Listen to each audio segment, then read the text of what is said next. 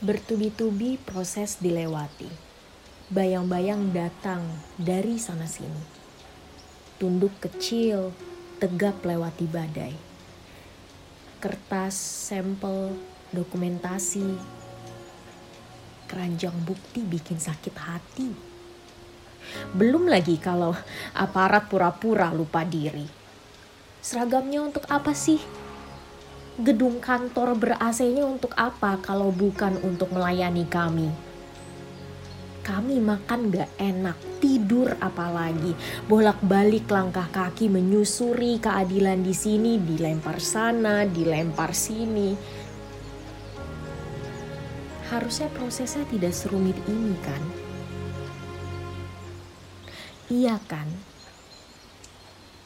Hak kami dilindungi bukan di mana-mana, tapi di konstitusi. Di konstitusi.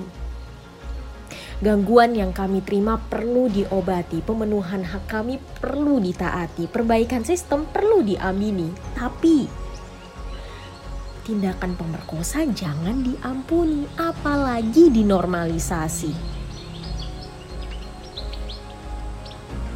Perjuangan tidak berhenti di kantor polisi. Perjuangan lanjut hingga ke omongan tetangga kanan kiri.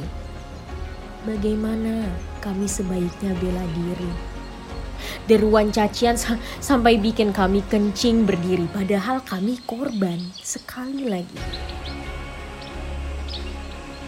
Untuk Sintas, kami berteman dengan cemas, dengan takut, dengan khawatir, dengan waspada, dengan tangis, dengan sesak, dengan penolakan, dengan tidak percaya, dengan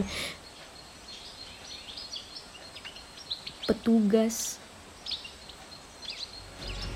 Dengarkan kami. Kami punya narasi sendiri tanpa monopoli. Untuk Sintas, untuk penyintas.